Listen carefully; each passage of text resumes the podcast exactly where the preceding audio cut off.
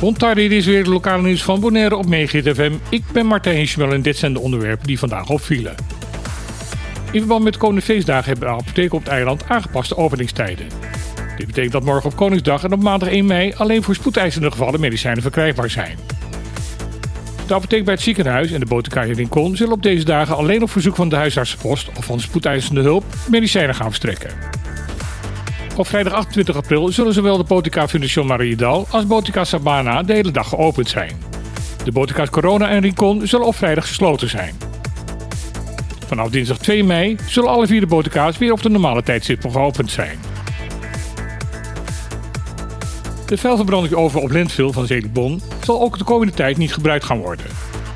De oven werd de afgelopen tijd al niet meer gebruikt naar aanleiding van een verkennend onderzoek dat was uitgevoerd door het bedrijf Ecovision. Hieruit bleek dat de vuilverbranding in de oven voor veel overlast en vervuiling zorgde. Naar aanleiding van het verkennend onderzoek is door Celibon en het OLB besloten om een uitgebreid vervolgonderzoek in te stellen. Uit dit onderzoek moet blijken welke vervolgstappen genomen moeten worden om ervoor te zorgen dat omwonenden in een ruime omtrek rondom Lentville geen overlast meer zullen krijgen van eventuele vuilverbrandingen. Er is door het OLB afspraken gemaakt dat alle belanghebbenden regelmatig geïnformeerd zullen worden en dat de omwonenden in de omgeving van Lentville betrokken zullen worden bij de vervolgstappen.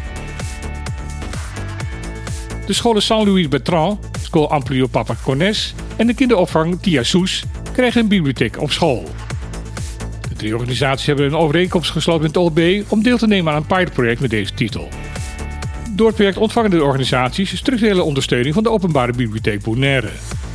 Dit houdt in dat leesconsulenten de leerkrachten en leerlingen gaan helpen met leesbevordering en informatievaardigheden.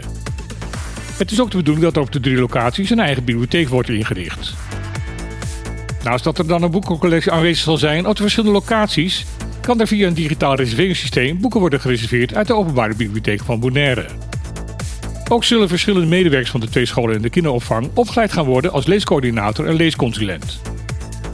Het pilotproject is bedoeld als voorbereiding om er uiteindelijk voor te zorgen dat alle basisscholen en kinderopvanginstellingen op Bonaire dergelijke faciliteiten zullen gaan krijgen.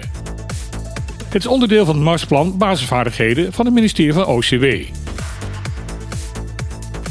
Curaçao is ernstig bezorgd over de aanwezigheid van de Russische gokmafia op Curaçao. Dat zegt minister van Financiën Sylvania. Sylvania doet deze uitspraak naar aanleiding van een artikel van het journalistcollectief Follow the Money. Hierin wordt gesteld dat op Curaçao een aantal gokbedrijven zijn die op de boycottlijst van de Oekraïne staan, omdat deze bedrijven nauwe banden hebben met Rusland. Sylvania zegt deze beschuldiging zeer serieus te nemen en met maatregelen te komen. Deze zou dan moeten komen in het kader van de landsverordening van kansspelen. Sinds het aantreden van de minister in 2021 is de LOK een belangrijk punt op zijn agenda geweest. Het is de verwachting dat de LOK in het derde kwartaal van dit jaar in de Staten van Curaçao in behandeling zal worden genomen. De minister heeft in zijn reactie op Kamervragen over dit onderwerp laten weten niet voor die tijd tegen de Russische bedrijven te zullen gaan optreden, omdat volgens hem de huidige wetgeving daarvoor geen ruimte biedt. Dit was weer het lokale nieuws van vandaag op Megahit FM. Morgen zal er geen uitzending zijn.